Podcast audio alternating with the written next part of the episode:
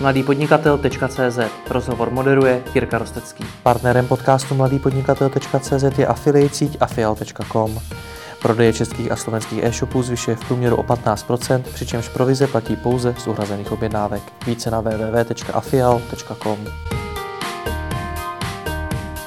Zakladatel agentury House of Řezáč, Jan Řezáč. Ahoj. Čau. Já když jsem sledoval tvůj příběh, tak jsem si všimnul toho, že ty jsi několik let podnikal jako freelancer a potom si se rozhodl založit vlastní agenturu. Jak dlouho jsi podnikal jako freelancer? Já mám v zásadě živnost jako od roku 2005, mm-hmm. to znamená no, 14-15 let. A, a dlouhou dobu jsem spolupracoval úzce s agenturou Proof and Reason, tehdy se jmenovali ještě JP Consult. Hmm. A, a tudíž to byl takový jako freelancing na půl. To byl takový, řekněme, jako kontraktorská práce, řekněme. No, a, a, a potom jsem se osamostatnil a vydal jsem knihu ve postry jako břitva. A stal jsem se z mého pohledu jako plnoprávným freelancerem. Hmm. A potom nějakou dobu uh, už jsem měl převis poptávek, generoval jsem mnohem víc poptávek, než uh, jsem stačil a stíhal odbavit, takže to znamenalo, že třeba člověk dělá na projektu, který je zajímavý, který je fakt jako pěkný a přijde další projekt, který je ještě zajímavější a ještě pěknější a ty lidi vypadají fakt dobře. Uh, a tak jsem si řekl, hm, tak co by se s tím dalo dělat? Není čas založit agenturu, nebo spíš založit rod, protože co si budeme povídat, já nemám agenturu, já mám rod. Um, to mi taky pak budeš muset vysvětlit. No to chápu, to chápu. Um, založit rod a rozšířit tu kapacitu, kterou jsem schopen, schopen věnovat těm projektům a třeba se i nějak tak jako posunout v rámci rolí eh, z té jako rizí exekuce, kdy jasně dokázal bych si představit, že prostě jako do 50 let mlátím wireframey, ale asi by mě to dost nebavilo. Jo, já v zásadě hledám nové a nové a nové a nové věci. Já když něco jedu desetkrát, a, tak už mě to potom nebaví. Hmm. Jo. Um, tak jsem založil agenturu. A Ono to na začátku nevypadá. Jo? Aspoň v mém případě to bylo takové jako pozvolné, kdy prostě jako postupně přicházeli další a další lidé. A v nějakou chvíli jsem si uvědomil, že vůbec nevím, co dělám. Že jsem v prostředí, které sice vypadá jako uh, konzultace k webovým projektům, ale že to vlastně nejsou konzultace k webovým projektům, protože to dělá ta moje agentura, ale to nedělám já. Jo? Nejenom tou jako faktickou činností, ale i tím jako rozsahem, co všechno musím zvládat a umět, aby to fungovalo dohromady. A, a bylo to hrozný. Mm-hmm.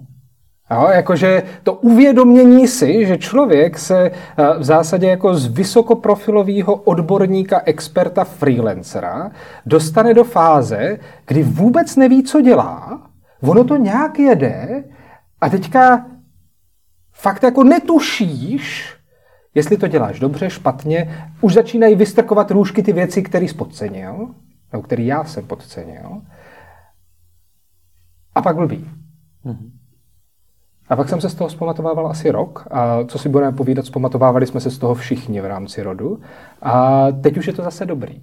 Já tomu možná trošičku nerozumím. Vy jste zase nebyli tak moc velká firma. Kolik Nebyli. vás je dohromady? A v tuhle chvíli je nás devět členů rodu. No, devět, devět členů rodu. Tak eh, takhle malých firmách většinou ta osoba zakladatele je hodně výrazná. Ano. A pravděpodobně ví o, nechci, nechci říct úplně o všem, ale minimálně o většině věcí, co se v té firmě mm-hmm. děje. A ty stejně říkáš, že si najednou vůbec nevěděl, co se děje a co, se, co, co dělat. Um, tak jak to? Jsou dvě věci. Jo. Jsou, je nějaká jako odborná práce, odborná činnost, kterou, která má za výstup něco, co jde k těm klientům. To, co doručujete těm jo, klientům. To, co ano. doručujeme ke klientům. Jo? A tam já jsem si pořád poměrně jako jistý v kramplecích a, a docela vím, co dělám. Hmm. Jo? A to, co si člověk, aspoň já, neuvědomil, co jsem si neuvědomil ve chvíli, kdy jsem založil agenturu, je, že tohle bude tak zhruba desetina mojí práce. Mm-hmm. Jo? A že krom toho je tam nějaký leadership, nějaká strategie, nějaký řízení lidí management, nějaká jako starost o vzdělávání, nějaký kanceláře, nějaká administrativa, nějaký jako už sofistikovanější marketing a obchod.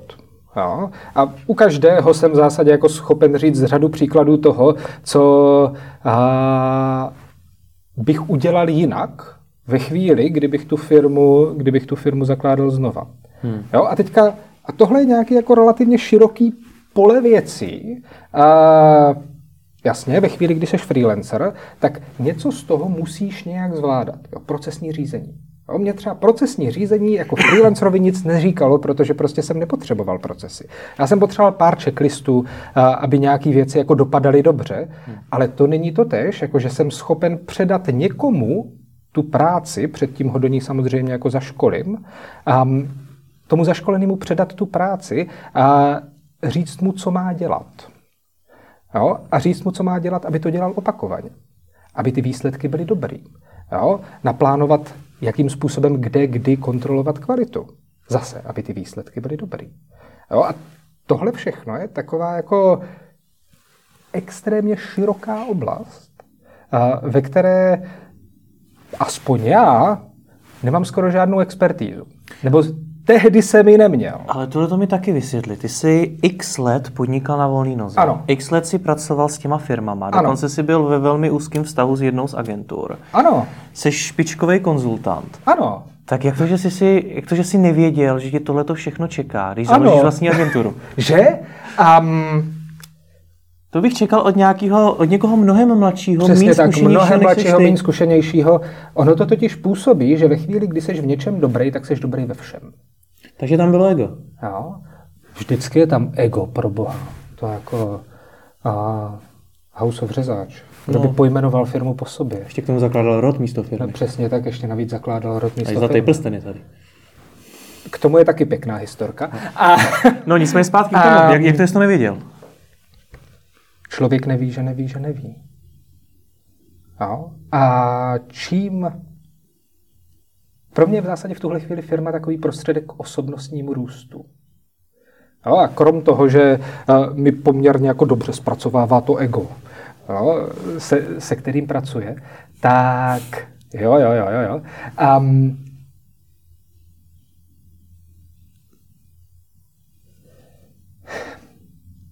tak si uvědomuju čím dál víc a jinak dokážu mít mnohem lepší empatii, po tom, co mám tři roky vlastní firmu, s těmi lidmi, kteří taky mají firmy. A fakt jsem to dřív neviděl. Jak jsi Protože ta, um, já jsem vůbec nevěděl, o čem mluví. A že, byl... že tohle je něco, hmm. co já si dokážu uvědomit zpětně, protože mám tu zkušenost. A v tuhle chvíli tam venku je obrovské množství freelancerů, zdravím, um, kteří netuší. Netuší, že netuší. Dunning-Krugerův efekt. Jak, Máme ho rádi. Jak se tam ten nedostatek empatie vůči zakladatelům těch firm projevoval v praxi? Jak se to projevovalo v tvý práci, v práci těch konzultantů, o kterých mluvíš? Um, v praxi se to projevovalo tak, že ve chvíli, kdy jsem se bavil s nějakým majitelem firmy a on mi říkal, hele, řeším tohle, tohle, tohle, tohle, tak já jsem si myslel, že vím, o čem on mluví. Mm-hmm. Vůbec jsem netušil. No a teď zpětně prostě jako čtyři roky, pět let po tom rozhovoru, eh, s jedním jsem se takhle bavil na marketing festivalu, eh, je to můj dlouholetý kamarád a klient, a říká mu, no já jsem vůbec nevěděl, o čem mluvíš teda. A, a on říkal, no jo, teď už víš. Dobře, takže jsi založil agenturu? Založil jsem rod. Založil jsi rod, pardon. Kdy ti to došlo tohle? Bylo to rychlý? Ne, nebylo to zase tak rychlý, došlo mi to v zásadě Došlo mi to v zásadě. No, ona je otázka, co znamená došlo. Jo? A já jsem zjistil, že nevím, že nevím, že nevím. A zhruba před minulý rok o Vánocích. Což je po kolika letech té agentury? To je zhruba po roce. Po roce. No, to znamená, rok agentura nějakým způsobem běžela a vypadlo nám několik poptávek, relativně velkých. A já jsem zjistil, že najednou mám nějaký lidi a nemám pro ně dostatek práce. Takže nevím, co s tím mám rychle dělat. A Takže najednou nějaký obchod a marketing, ale na druhé straně přesně tak, mám vůči nim nějaké hmm. závazky, hmm. které je potřeba vyřešit. Jo, a to byl takový jako první červený vohníček, který se, jako, který se ukázal. Hmm. No a potom se ukázalo mnoho dalších, jo, od a, toho, že základní komunikační kanál v rámci rodu byla nějaká šeptanda, protože jsme si spolu nepovídali dostatečně. Jo, až po to, že prostě a, nebylo jasný, kam vůbec rod směřuje. A každý si do toho nějak jako projektoval to svoje. Až po to, že samozřejmě jako nevycházely peníze. My jsme třeba dlouhou dobu, a to je takový jako paradox, jo? založíš si firmu a ve chvíli, kdy další rozdíl, jo? ve chvíli, kdy jsi freelancer, tak svým způsobem nemusíš zas tak moc řešit prachy. Protože aspoň v mojí branži to vypadá tak, že vyděláváš třeba pětkrát, desetkrát tolik, než jsi schopen měsíčně utratit. Než jsou ty jako náklady, které musíš dát. Ne, že bys to nebyl schopen měsíčně utratit. Já jsem schopen utratit kde co. Ale ale máš relativně nízké náklady vůči příjmu. To znamená, že tě nepálí třeba řešit finanční řízení. Ve chvíli, kdy máš firmu, je to úplně něco jiného. Jo, je to úplně jiná hra. Ty náklady, které máš každý měsíc, se najednou zvednou a zvednou se poměrně radikálně. A od kanceláří až po tu hromadu těch lidí. A, a ty najednou musí začít počítat. A musíš začít počítat, zatímco eh, v minulosti, ve chvíli, kdy prostě klient zaplatil o dva měsíce později, tak mech, no, tak přišly peníze o dva měsíce později. Co, co se děje? Nic se neděje, pohoda. Jo, teďka, když mi klient zaplatí o dva měsíce později, uh, tak už má na krku skoro platební příkaz. Jo? A, a to je masakr. Jo? To, to vnímání, ta potřeba toho detailu, ta potřeba té preciznosti, aspoň pro mě, v rámci freelancingu a v rámci řízení rodu, je úplně někde jinde. Popiš mi to počítání. Co to, funguje? Co to znamená? Jak to funguje? Jak to funguje? Jako freelancerovi ti v podstatě si Jak... asi šel tak, že čím víc vyděláš, tím líp. No jasně. A víc si asi neřešil. Hm. Ono to má, řekněme, dvě roviny. Jo? Má to víc rovin, co si peklo. Um, začnu postupně. Jedna rovina je příjem. Jo? Ve chvíli, kdy jsi freelancer, tak víš, že prostě uh, to nějak dáš, to nějak prostě jako ustojíš. Obzvlášť ve chvíli, kdy je rozdíl mezi příjmy a výdaji tak velký.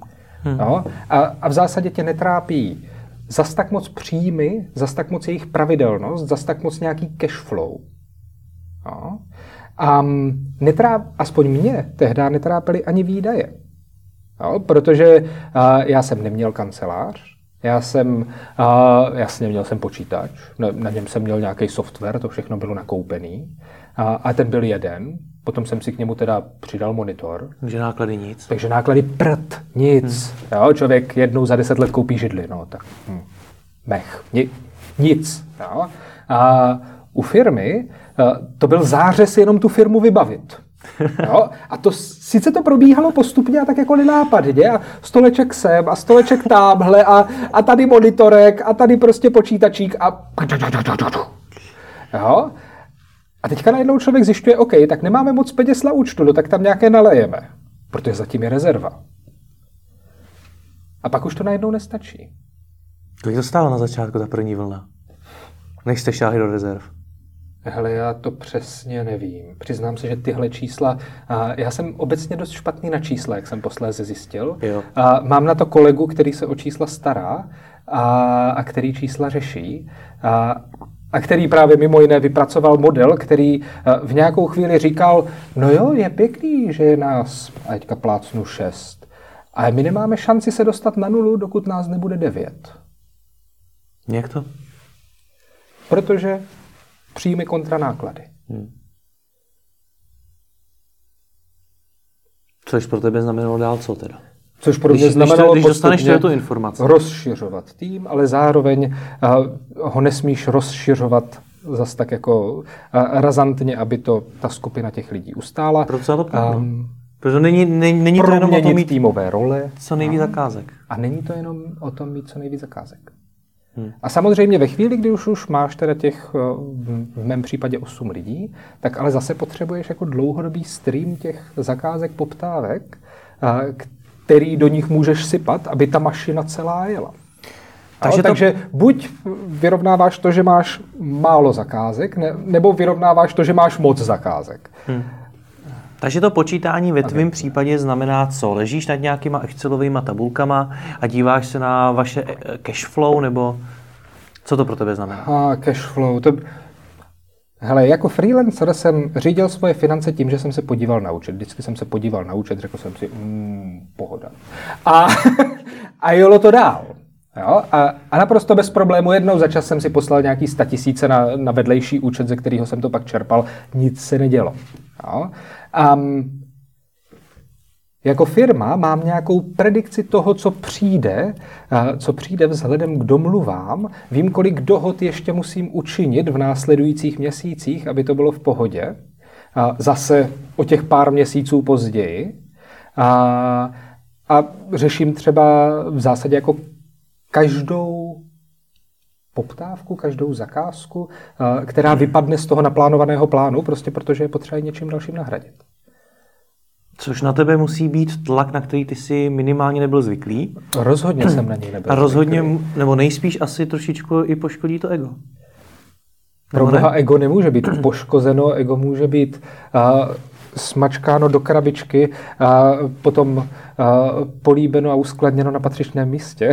To se ve tvém případě stalo? um, několikrát. Kdy třeba? Kdy naposledy? Naposledy... Když jsi řekl, já nejsem tak velký frajer, teď musím udělat tohle. A pro boha to si říkám každou chvíli.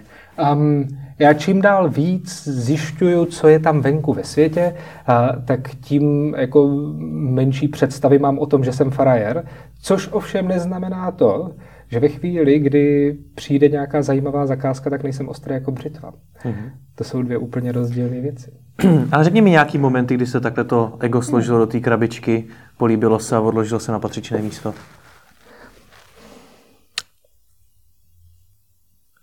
Hele, um, třeba jeden moment byl, uh, to bylo loni na jaře, kdy jsme se takhle, takhle bavili s nějakými členy rodu a já jsem zjistil, uh, že vůbec nevím, uh, co mám dělat z pohledu nějaké dlouhodobé strategie.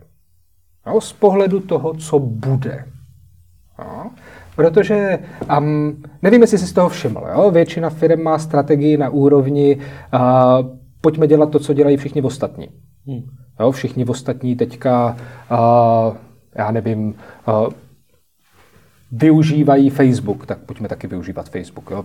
v marketingu. Jo? Nebo v případě designových agentur všichni jdou do designu služeb. Jo? Je moderní být designer služeb.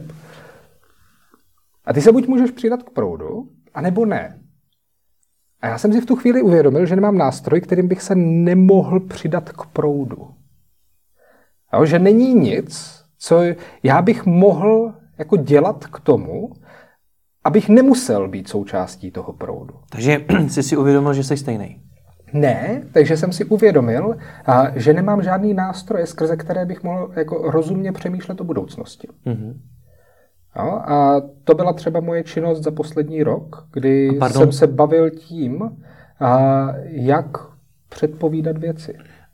A to, že si ty, ty nástroje neměl, tě tedy nutilo kopírovat ostatní, jestli tomu teda dobře rozumím, nebo podlehat ne, stejným že, trendům jako ostatní? Ne, ne, ne, ne. To, že jsem tyhle nástroje neměl, a, tak mě donutilo se zastavit a uvědomit si, že o téhle věci prakticky nic nevím, hmm. a že je potřeba s tím něco dělat. Takže si no, začal předvídat budoucnost. To je to ego. Hele, budoucnost není zas tak dobře předvídatelná, ale není zas tak dobře nepředvídatelná. No tak mi to popiš, jak jsi, jak jsi strávil rok předvídáním budoucnosti. Já jsem nestrávil rok předvídáním budoucnosti. Já jsem dobu si říkal? strávil uh, rok tím, že, že jsem hledal různé nástroje, které mi můžou pomoct uh, rozuměji stanovit strategii.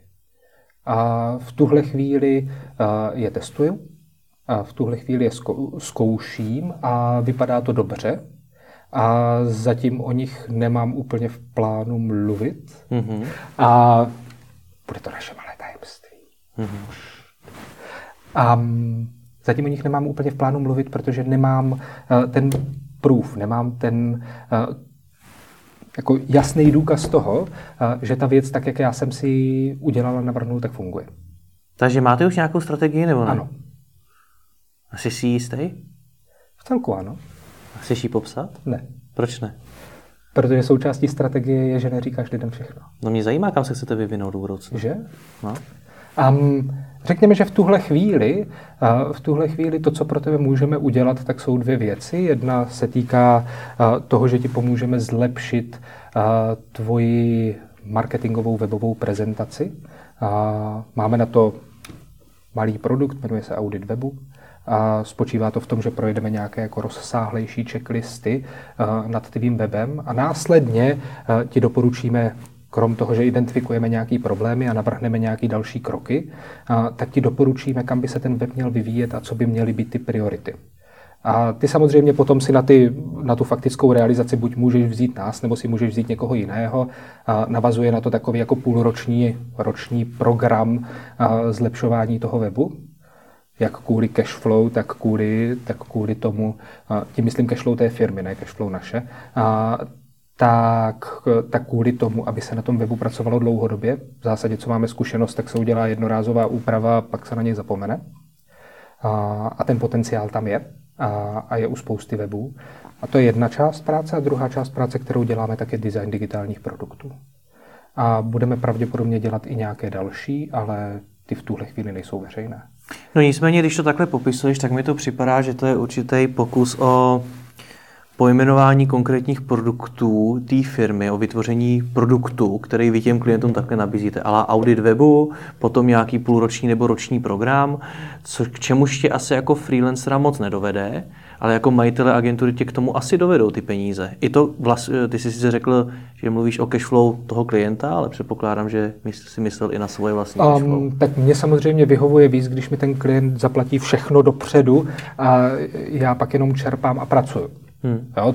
To, by, to by bylo v zásadě jako cashflow pro mě. Hmm. Jo? A naopak jako pro toho klienta ve chvíli, kdy má dát nějaké statisíce, tak je to jako typicky buď OK, plánovaná část budgetu, anebo v případě jako středních menších firm do nějaké míry nějaký zářez, hmm. jo, který musí někdo odsouhlasit. Já se na to tam proto, je, jak ty dneska nad těma jednotlivýma službama, lomeno produktama hmm. přemýšlíš? Jestli přemýšlíš Chápu. už nad nějakou diverzifikací třeba zdrojů té příjmy, nad tím, aby se ti nestalo to, co jsi popisoval na začátku, že ti vypadne klient a ty najednou zjistíš, že jste vlastně úplně v háji a podobně. Tak jestli hmm. už tohle se u tebe nějak změnilo? Jo, tohle se radikálně změnilo právě tím auditem webu, mm-hmm. a, který jsme vytvořili na konci loňského roku, a, kdy to je dostatečně malý produkt, aby se dal a, jednak prodávat a druhak samozřejmě exekuovat relativně rychle za sebou. A, a je asi desetkrát levnější než to nejlevnější, co jsme ti byli schopni nabídnout předtím. To znamená, služby Houseu reálně začínaly třeba na třech z těch tisících minimálně ale můžeš dát mnohem víc. Jo? To, znamená, to znamená, jednak jsme přístupnili to know-how a, a druhak jsme si diverzifikovali portfolio, protože ve chvíli, kdy uděláš větší množství auditů pro menší klienty, a, tak je to protiváha proti tomu, když máš prostě jako jeden projekt za 5 milionů, a, který exekuješ, exekuješ rok, dva. Hmm. Což je ale možná zajímavá změna u tebe, jako u člověka, protože sleduju tě už x let a ty hmm. jsi spoustu let v podstatě razil takovou tu strategii nebojte se být drazí, nebojte hmm. si, si za tu práci říct opravdu hodně peněz, vysoké hodinovky, vysoké ceny, všechno. A najednou přijdeš s auditem webu a říkáš, že je to, to, že je to mnohem levnější než to nejlevnější, co jste kdy byli schopni nabídnout. Ano. Jako kdyby si šel najednou opačnou cestou. Ne. Um, ano a ne. Uh, Chápu, jak to myslíš, a, ale cena auditu webu nic neříká o tom, jaká je hodinovka hmm. v rámci auditu webu. Takže ty přemýšlíš nad hodinovkama? Je ne, já, pře, já přemýšlím nad utilizací. Utilizace lidských zdrojů.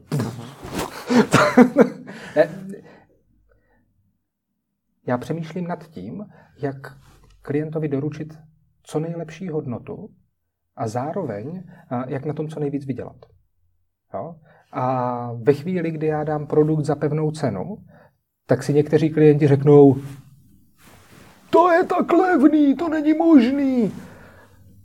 A nekoupí to. Jo? Protože očekávají cenu, která bude desetkrát vyšší. Jo? A někteří klienti si řeknou, to je tak drahý, to není možný. A, a nekoupí to. A potom je tam ten zbytek, který to koupí. A my jsme třeba v rámci, v rámci vytváření auditu tak dělali nějaký uživatelský výzkum, a snažili jsme se, posílali jsme třeba dotazník skrz jednu metodu, myslím, jmenuje se Cojoint Analysis, tak jsme odhalovali nejlepší cenu. Jo, jakou reálně nastavit cenu tomu produktu, aby to bylo rozumně prodejný a zároveň, aby jsme na tom rozumně vydělali. Jo, a tohle je třeba jako poměrně široké pole nějakého produktového managementu a tvorby nových produktů, které já jako freelancer skoro nemusel řešit. Hmm. Jo, a, a to je jeden kousek, jedna třeba dvanáctina toho, co já jako majitel firmy v tuhle chvíli musím řešit. Tomu rozumím, že toho řeší spoustu, nicméně asi ta cena, ty služby budou jedna z těch nejdůležitějších věcí, co řešíš, předpokládám. Jak je ty služby nastavit a kolik si za ní vůbec říct. Je to rozhodně součástí toho Nicméně, co to, co to naopak není? Audit webu to je v rámci té filozofie dodat klientovi co nejkvalitnější výstup za co nejméně času, zároveň za co nejvíc peněz. Uh, tak audit webu tomu odpovídá. Co tomu naopak neodpovídá, ty jsi si řekl, touhletou cestou mít určitě nemůžeme, byť jsme to třeba do teďka dělali. Uh-huh. Um, v zásadě ty projekty, na kterých uh, my jsme v minulosti nejvíce prodělávali, tak byly projekty okolo uh, stovky hodin naší práce. Uh-huh. Jo, to znamená takový ty jako um, Ona totiž stovka se dá, zdá jako strašně moc, a, ale přitom není. To znamená, my jsme klientovi něco nějak nacenili a potom jsme to překročili třeba dvakrát. A to je peklo. No, a to můžeš udělat jednou, a když to uděláš po druhé, tak už sedíš na horkých kamnech a všechno je špatně. A to znamená, to znamená, tohle byly třeba produkty, které jsme jednak začali naceňovat úplně jinak, úplně jiným způsobem. Máme třeba teďka v tuhle chvíli standardizovaný ceník, který říká, hele, tahle metoda zabírá typicky tolik času a ono se to nezdá, jo? ale prostě jako desítky hodin skáčou a jenom tím, a jenom tím, když si zpětně zanalizuješ, kolik ti to vlastně reálně zabralo. Hmm. A v zásadě House je taková jako série experimentů. Jo, my paralelně jedeme 30 experimentů, které nám mají říct, hele, jako tohle funguje, tohle nefunguje, tohle někdy nefunguje, co s tím můžeme dělat? Těch 30 experimentů to jsou klienti? Ne. Kolik máte klientů? Nebo na kolika klientech uh. současně jste schopni pracovat? Na kolika klientech jsme současně schopni pracovat? Přiznám se, že to přesně nevím. Tak je to pět nebo dvacet? Jo, je to pět nebo dvacet. Um, a on je velký rozdíl mezi klienty, kteří si řekněme jako odeberou audit. No, a to je jedna část toho spektra. A, a klienty, se kterými dlouhodobě spolupracujeme na nějakém jako designu jejich produktu jo, nebo portfolia produktů. Jo. A zatímco tohle je spolupráce na roky a prostě jako každý měsíc ti vytíží nějakým způsobem nějaké lidi, a, tak tohle je prostě jako jednorázová drobnost, která jako kterých může být ten měsíc docela dost. Takže v zásadě jako skrz audit se nám třeba jako zvýšil počet klientů. Mm-hmm. Jo. Ale jako realisticky je to třeba jako desítka. Hmm. Jde o vaši zranitelnost, o to, když jeden z těch klientů odejde, tak jak velký problém to pro vás je? Jo. A tohle samozřejmě řeším. Takže furt je to no. ještě velký problém, kdyby teď um, odešel některý z těch klientů, z těch větších, dejme tomu z těch, jestli to dobře pochopil, těch dlouhodobějších? Těch dlouhodobějších, větších. Um, mohl by to být problém. No, to je další věc, proč vytvářím audity, proč vytvářím nějaké nové produkty. Máš kam produkty, spadnout. Protože pak je kam spadnout. Dá se to řešit nějak jinak? Dá se to řešit no prostě nějak jinak než vytvářením dalších produktů? Hele, ono to není o vytváření dalších produktů. My v zásadě jako produkty spíš sesekáváme, než bychom je vytvářeli. No teď jsi říkal, že přemýšlíš na vytváření dalších produktů. Ne, protože já jsem ten, kdo je vytváří jo, s pomocí ostatních. Takže já přemýšlím nad vytvářením dalších produktů. Hmm. Ale, ale realisticky House spíš jako postupně omezuje ten záběr, který, co si budeme povídat, jsem měl já. Já jako konzultant jsem schopen konzultovat kde co a bude to mít tu hodnotu, ale House jako takový už to schopen dělat není. Hmm. To znamená, spíš jako zužujeme záběr a postupně jako měníme směřování. A ty, a ty jako jednotlivec ještě konzultuješ vedle té firmy? Mm, já jako jednotlivec... Myslím normálně a... na živnosták, jako si to měl do té doby. Jo, mám pořád aktivní živnosták. Ale využíváš ho? A využívám ho jednou. Jde o to, jestli máš jako hlavní zdroj svůj, jo, jestli si člověk, zdroj příjmu. Je, jestli si člověk agenturu. může bokem najmout řezáče. Když to pojmenuješ takhle, tak jo. Ne. Nemůže. Nemůže. Může přijít za hauzem. Pojďme, pojďme k těm penězům, ať se bavíme konkrétněji. Srovnej, kolik jsi vydělával jako freelancer, kolik vyděláváš dneska jako majitel agentury. Kolik jsem vydělával jako freelancer a kolik vydělávám dneska jako majitel agentury? Můj odhad je zhruba polovina. Dneska vyděláváš polovinu Dneska toho? vydělávám polovinu toho, co jsem vydělával jako freelancer. Chceš říct konkrétní čísla? Ne. Přibližný? Ne. Ani trošku? Stovky tisíc. Stovky tisíc. Nižší, vyšší? Nižší. Stovky tisíc nižší. Um, Jo, byl jsem konzultant, prodával jsem svoji práci od hodiny, to znamená, že a, jako, když vynásobíš a, 3 až 4 tisíce korun na hodinu, maximálně stovkou hodin měsíčně, tak se poměrně jednoduše dostaneš, a, dostaneš na nějaké částky. Nicméně, pokud mluvíme o stejných částkách, tak to znamená, že i teď jako majitel té agentury si dokážeš měsíčně vyplatit stovky tisíc korun? Nebo se bavíme o ročním příjmu? Bavíme se o ročním příjmu. O ročním příjmu. Takže, ve, takže jinýma slovama si si pohoršil poměrně hodně, protože jako freelancer, který pracoval v nějakých poměrně vysokých částkách, předpokládám těch stovkách tisíc, tak si jako majitel agentury spadnul do desítek. Přesně tak. No, jaký to je pro tebe? Jaký to je pro mě? Um, Protože zase se vrátím k tomu, jak si předtím mm-hmm. popisoval to, jak si přistupoval ke svým financím, že jsi se dokázal utratit, že jsi schopný utratit cokoliv, Uh, podíval jsi se na účet, řekl jsi si pohoda. Pohoda, pojedeme dál. Bylo ti jedno, kdy ti přijdou peníze a najednou poměrně asi velký se sešup dolů. Tak jak se cítíš u toho? Jak se cítím? Cítím... Cítím odhodlání. Jo, to je to ono. Um, já jako freelancer nemám kam růst. Jo, mohl bych uh, vymýšlet nějaké infoprodukty, Konec konců jeden jsme zkusili, hmm. jmenuje se strategický webdesign, natočili jsme ho s Honzou Kvasničkou, jo, tak mohl bych natočit další videa, a mohl bych zvyšovat svoji konzultační hodinovku a stávat se jako ještě exkluzivnějším. Mohl bych začít, já nevím, naceňovat věci jak produkty a pak je nějak sekat. A, a mě by to nebavilo. A mě v tuhle chvíli jako vnímám freelancing jako nějakou jako vývojovou větev, která jasně přináší mnohem víc peněz. Jo, je, to to, je to ta okamžitá gratifikace, to okamžitý uspokojení, že prostě máš na účtu ty prachy a jsou tam. Jo? Nemusíš se o ně starat, protože víš, že tam jsou a jich tam dostatek.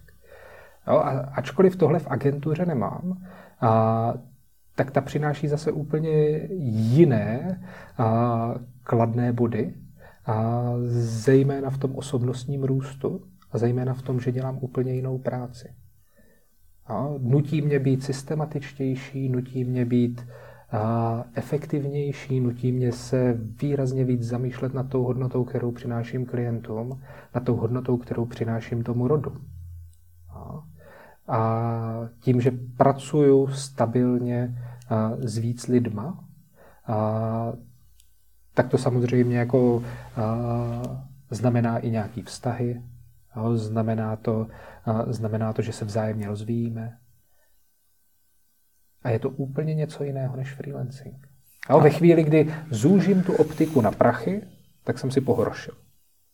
Ve chvíli, kdy jako nechám tu optiku na jako nějakém jako životním posunu, a zatím ještě nejsem tak starý, abych se nemohl posouvat a doufám, že nikdy nebudu, tak je agentura mnohem zajímavější. A když mluvíš a... o tom posunu, tak kam? Kam se chceš posunout? A mě v zásadě baví, a baví strategičtější práce. Jo, protože to posun zna, asi jako napovídá, že existuje nějaký cíl, ke kterému ty se chceš posunout. Tak jak ten cíl zní? Jak zní cíl Jana Řezáče?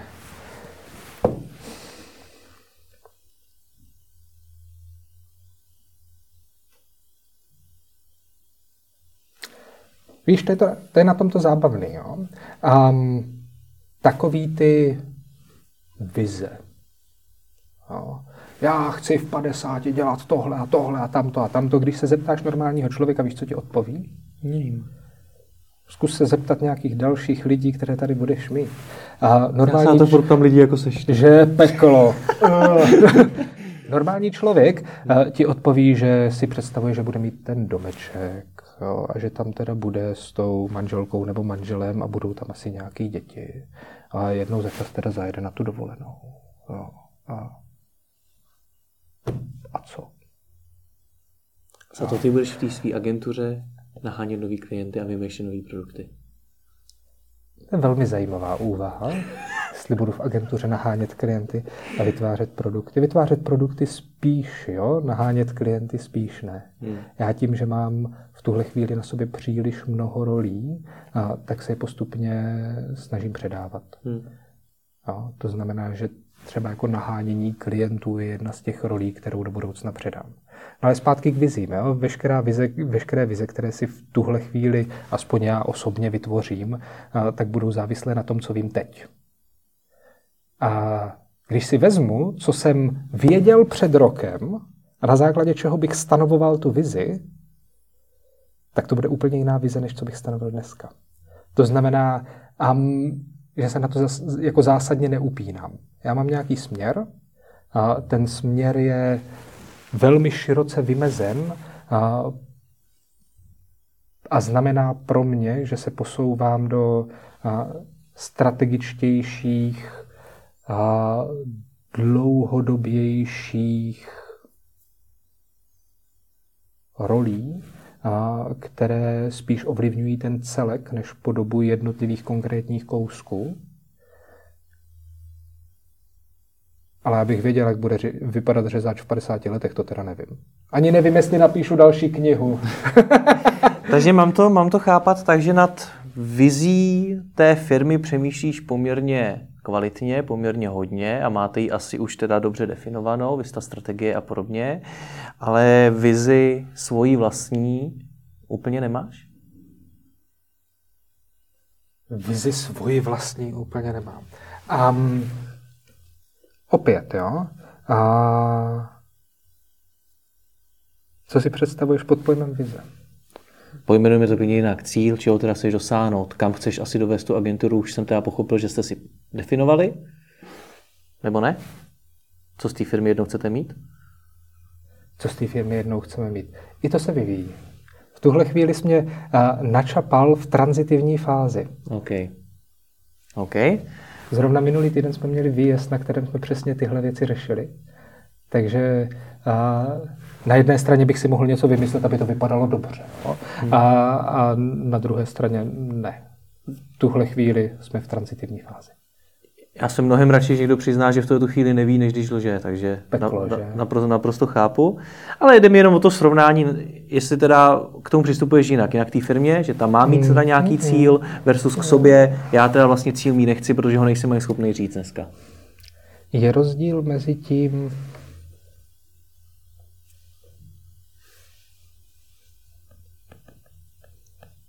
To, co v tuhle chvíli firma dělá, je, že dává webům řád.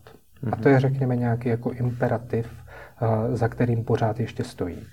A ten imperativ se do budoucna velmi pravděpodobně změní, protože se postupně proměňuje ten trh, ve kterém pracujeme. A, ale to není to tež, jako že bych věděl, že chci mít 27 zaměstnanců, eh, že chci, aby obrat byl 50 milionů korun a že chci, aby něco. Nech. O, ty, už jsem prošel i tímto obdobím, kdy jsem měl přesně tyhle věci přesně nadefinovaný mm-hmm. a nic to neznamenalo. Protože je zaj, jako mnohem zajímavější, než mít, jako, aspoň pro mě. Jo? A pro každého to může fungovat jinak. Jo?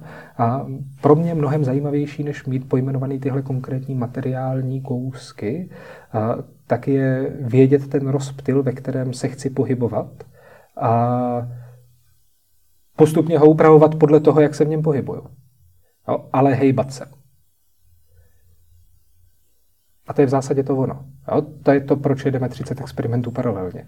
To je to, proč přemýšlíme nad tím, kam se vyvíjí náš obor. To je to, proč uh, se postupně vyvíjíme. Nazval by se vizionářem? Dost často to ti zakladatelé v těch firmách jsou. Peklo. Já nevím. Co, co znamená vizionář? Co si pod tím představíš?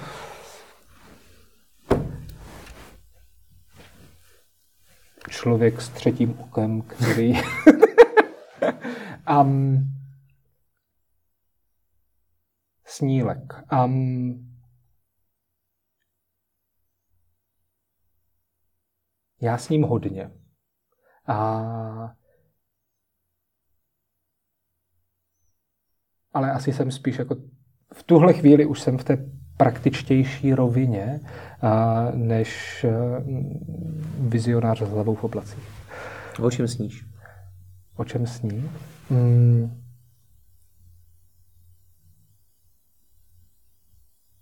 V tuhle chvíli s ním o tom, a jak zastavit klimatickou změnu. Opravdu? Jako ano, se... zcela realisticky. Proč se věnuješ webům? Protože mě to baví.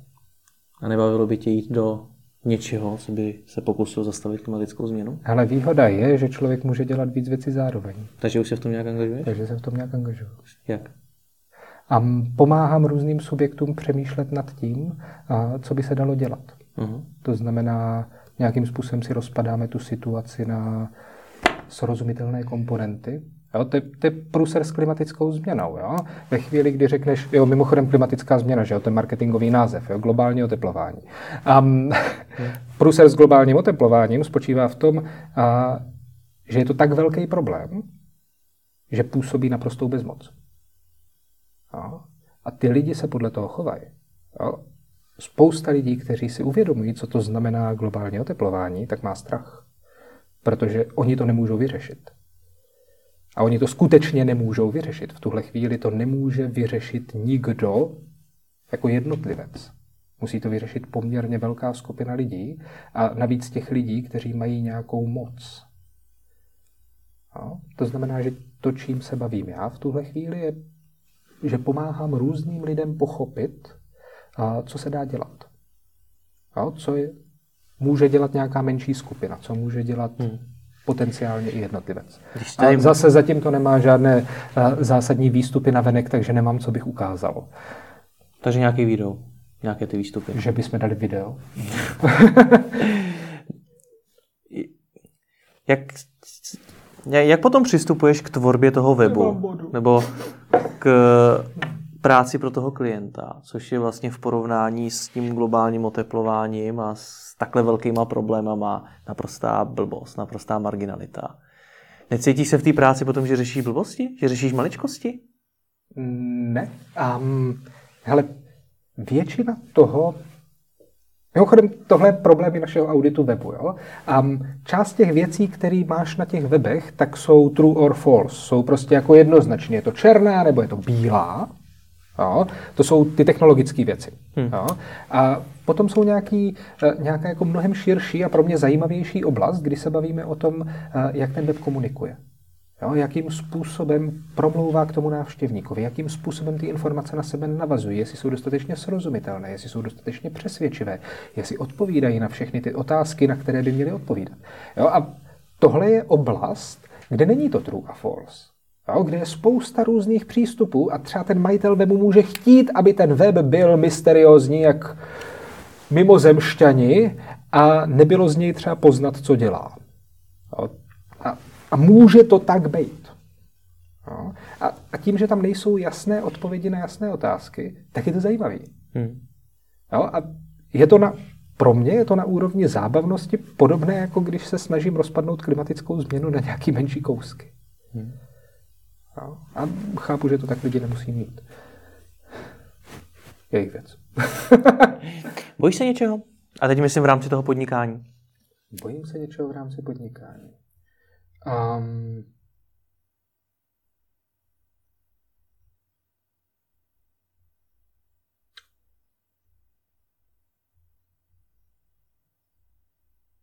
záleží. A minulý rok jsem se v nějakou chvíli bál, že se mi rozpadne tým.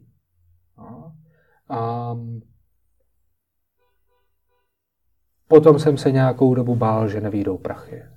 No, a vždycky, když mám pod milionem na účtu, tak si říkám, něco by to chtělo. Jo?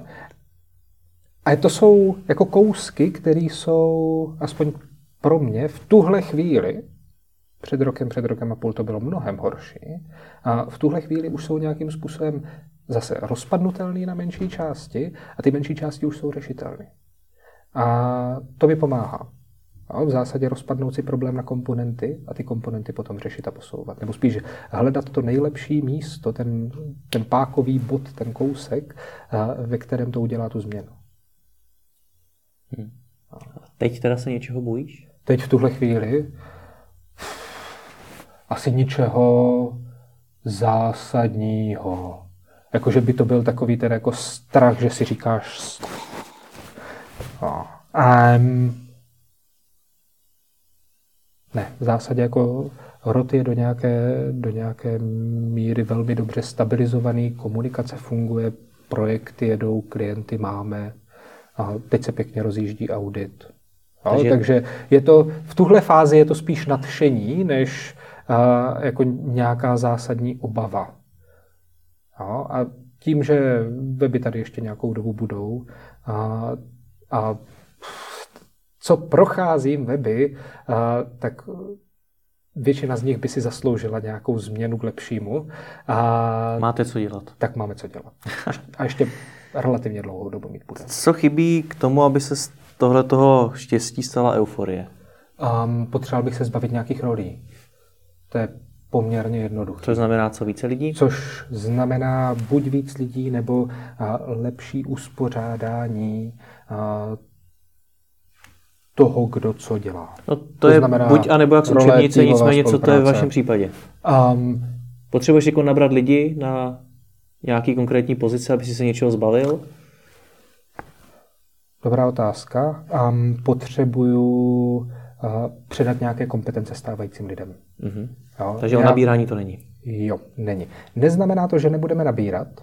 A dokonce už máme zhruba tři pozice, které bychom potřebovali zaplnit a postupně je, postupně je budeme zveřejňovat. Ale netýkají se tohohle. Ale netýkají se tohohle. Mm-hmm. Jo? Některé ty věci se prostě předávají hůře. Hmm. No. Pak tomu chybí ta strategie teda úplně ujasněná, jestli jsem to dobře pochopil. V tuhle chvíli ano. V tuhle chvíli ano. No a na závěr mi vysvětli dvě věci. Historku se zlatým prstenem a proč rod? Historka se zlatým prstenem. Historka se zlat... Tohle je zlatý prsten. Vzpomínáte si někdo na můj web? Ty tam, vzpomínáš si na můj web? Uh, web Jana Řezáče, kde jsem seděl takhle na tom trůnu teďka. Mimochodem vybírali jsme tam mezi dvěma fotkama. V jedné fotce jsem dělal a v druhé fotce jsem se tvářil jak... Um, no to mě zajímá, jak to popíšeš. Uh, Jaký jak slova se Frank Underwood. jak Frank Underwood, akorát mi z rukou netekla krev. A, a, a měl jsem na ruce obří zlatý prsten. A ten chyták byl v tom, že ten prsten nebyl.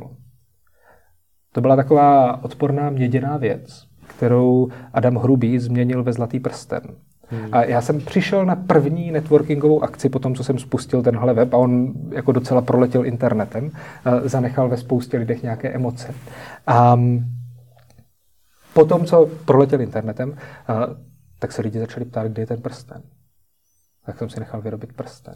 Bylo to velmi vtipné unpeknul jsem ho na brněnském barkempu a bylo to velmi, velice fajn. A od té doby nosím zlatý prst. A co ti na tom Underwoodovi tak uhranulo, že jsi zvolil zrovna jeho podobu, jeho to, jak vystupuje? Frank Underwood a Claire Underwood. Um, bavíme se tedy o, teďka o se bavíme o seriály, House of Cards seriálu. seriálu. A Frank a Claire jsou archetypální vládci. Hmm. A co ty chceš být taky? Ne, já jsem archetypální vládce. Jo? Ano. Takže když se zeptám tvých zaměstnanců ve firmě, jakýho mají šéfa, tak mi řeknou archetypálního vládce? Pro boha. Archetyp je příběh, který máš na pozadí, který a, lidi vědomě neidentifikují. Mm-hmm. Je možné, že ti někdo z nich něco řekne. A, a v zásadě ta kreativna nás zaujala, tak jsme ji použili. okay. No. A, takže to byl Zlatý prsten. A co se týče... Rodu. Zlatý proč, proč říkáš rod a ne firma? No, protože jsme House of Řezáč. To nemá z House of Cards už společného vůbec nic, to je prostě rod, rod řezáčů. A někteří uh, klienti nebo potenciální klienti, kteří nám píšou, tak tu hru chápou. To znamená, že píšou třeba milí řezáčovi, bla, bla, bla, bla. bla. Jo? Nebo jedné kolegyni takhle psali, vážená paní Řezáčová. Hmm. Chvíli se z toho zpamatovávala, a pak už to bylo dobrý. Samozřejmě žádná z nich se Řezáčová nejmenuje, až na muže. OK, tak ať se ti daří a děkuji ti moc za rozhovor. Rád se stalo.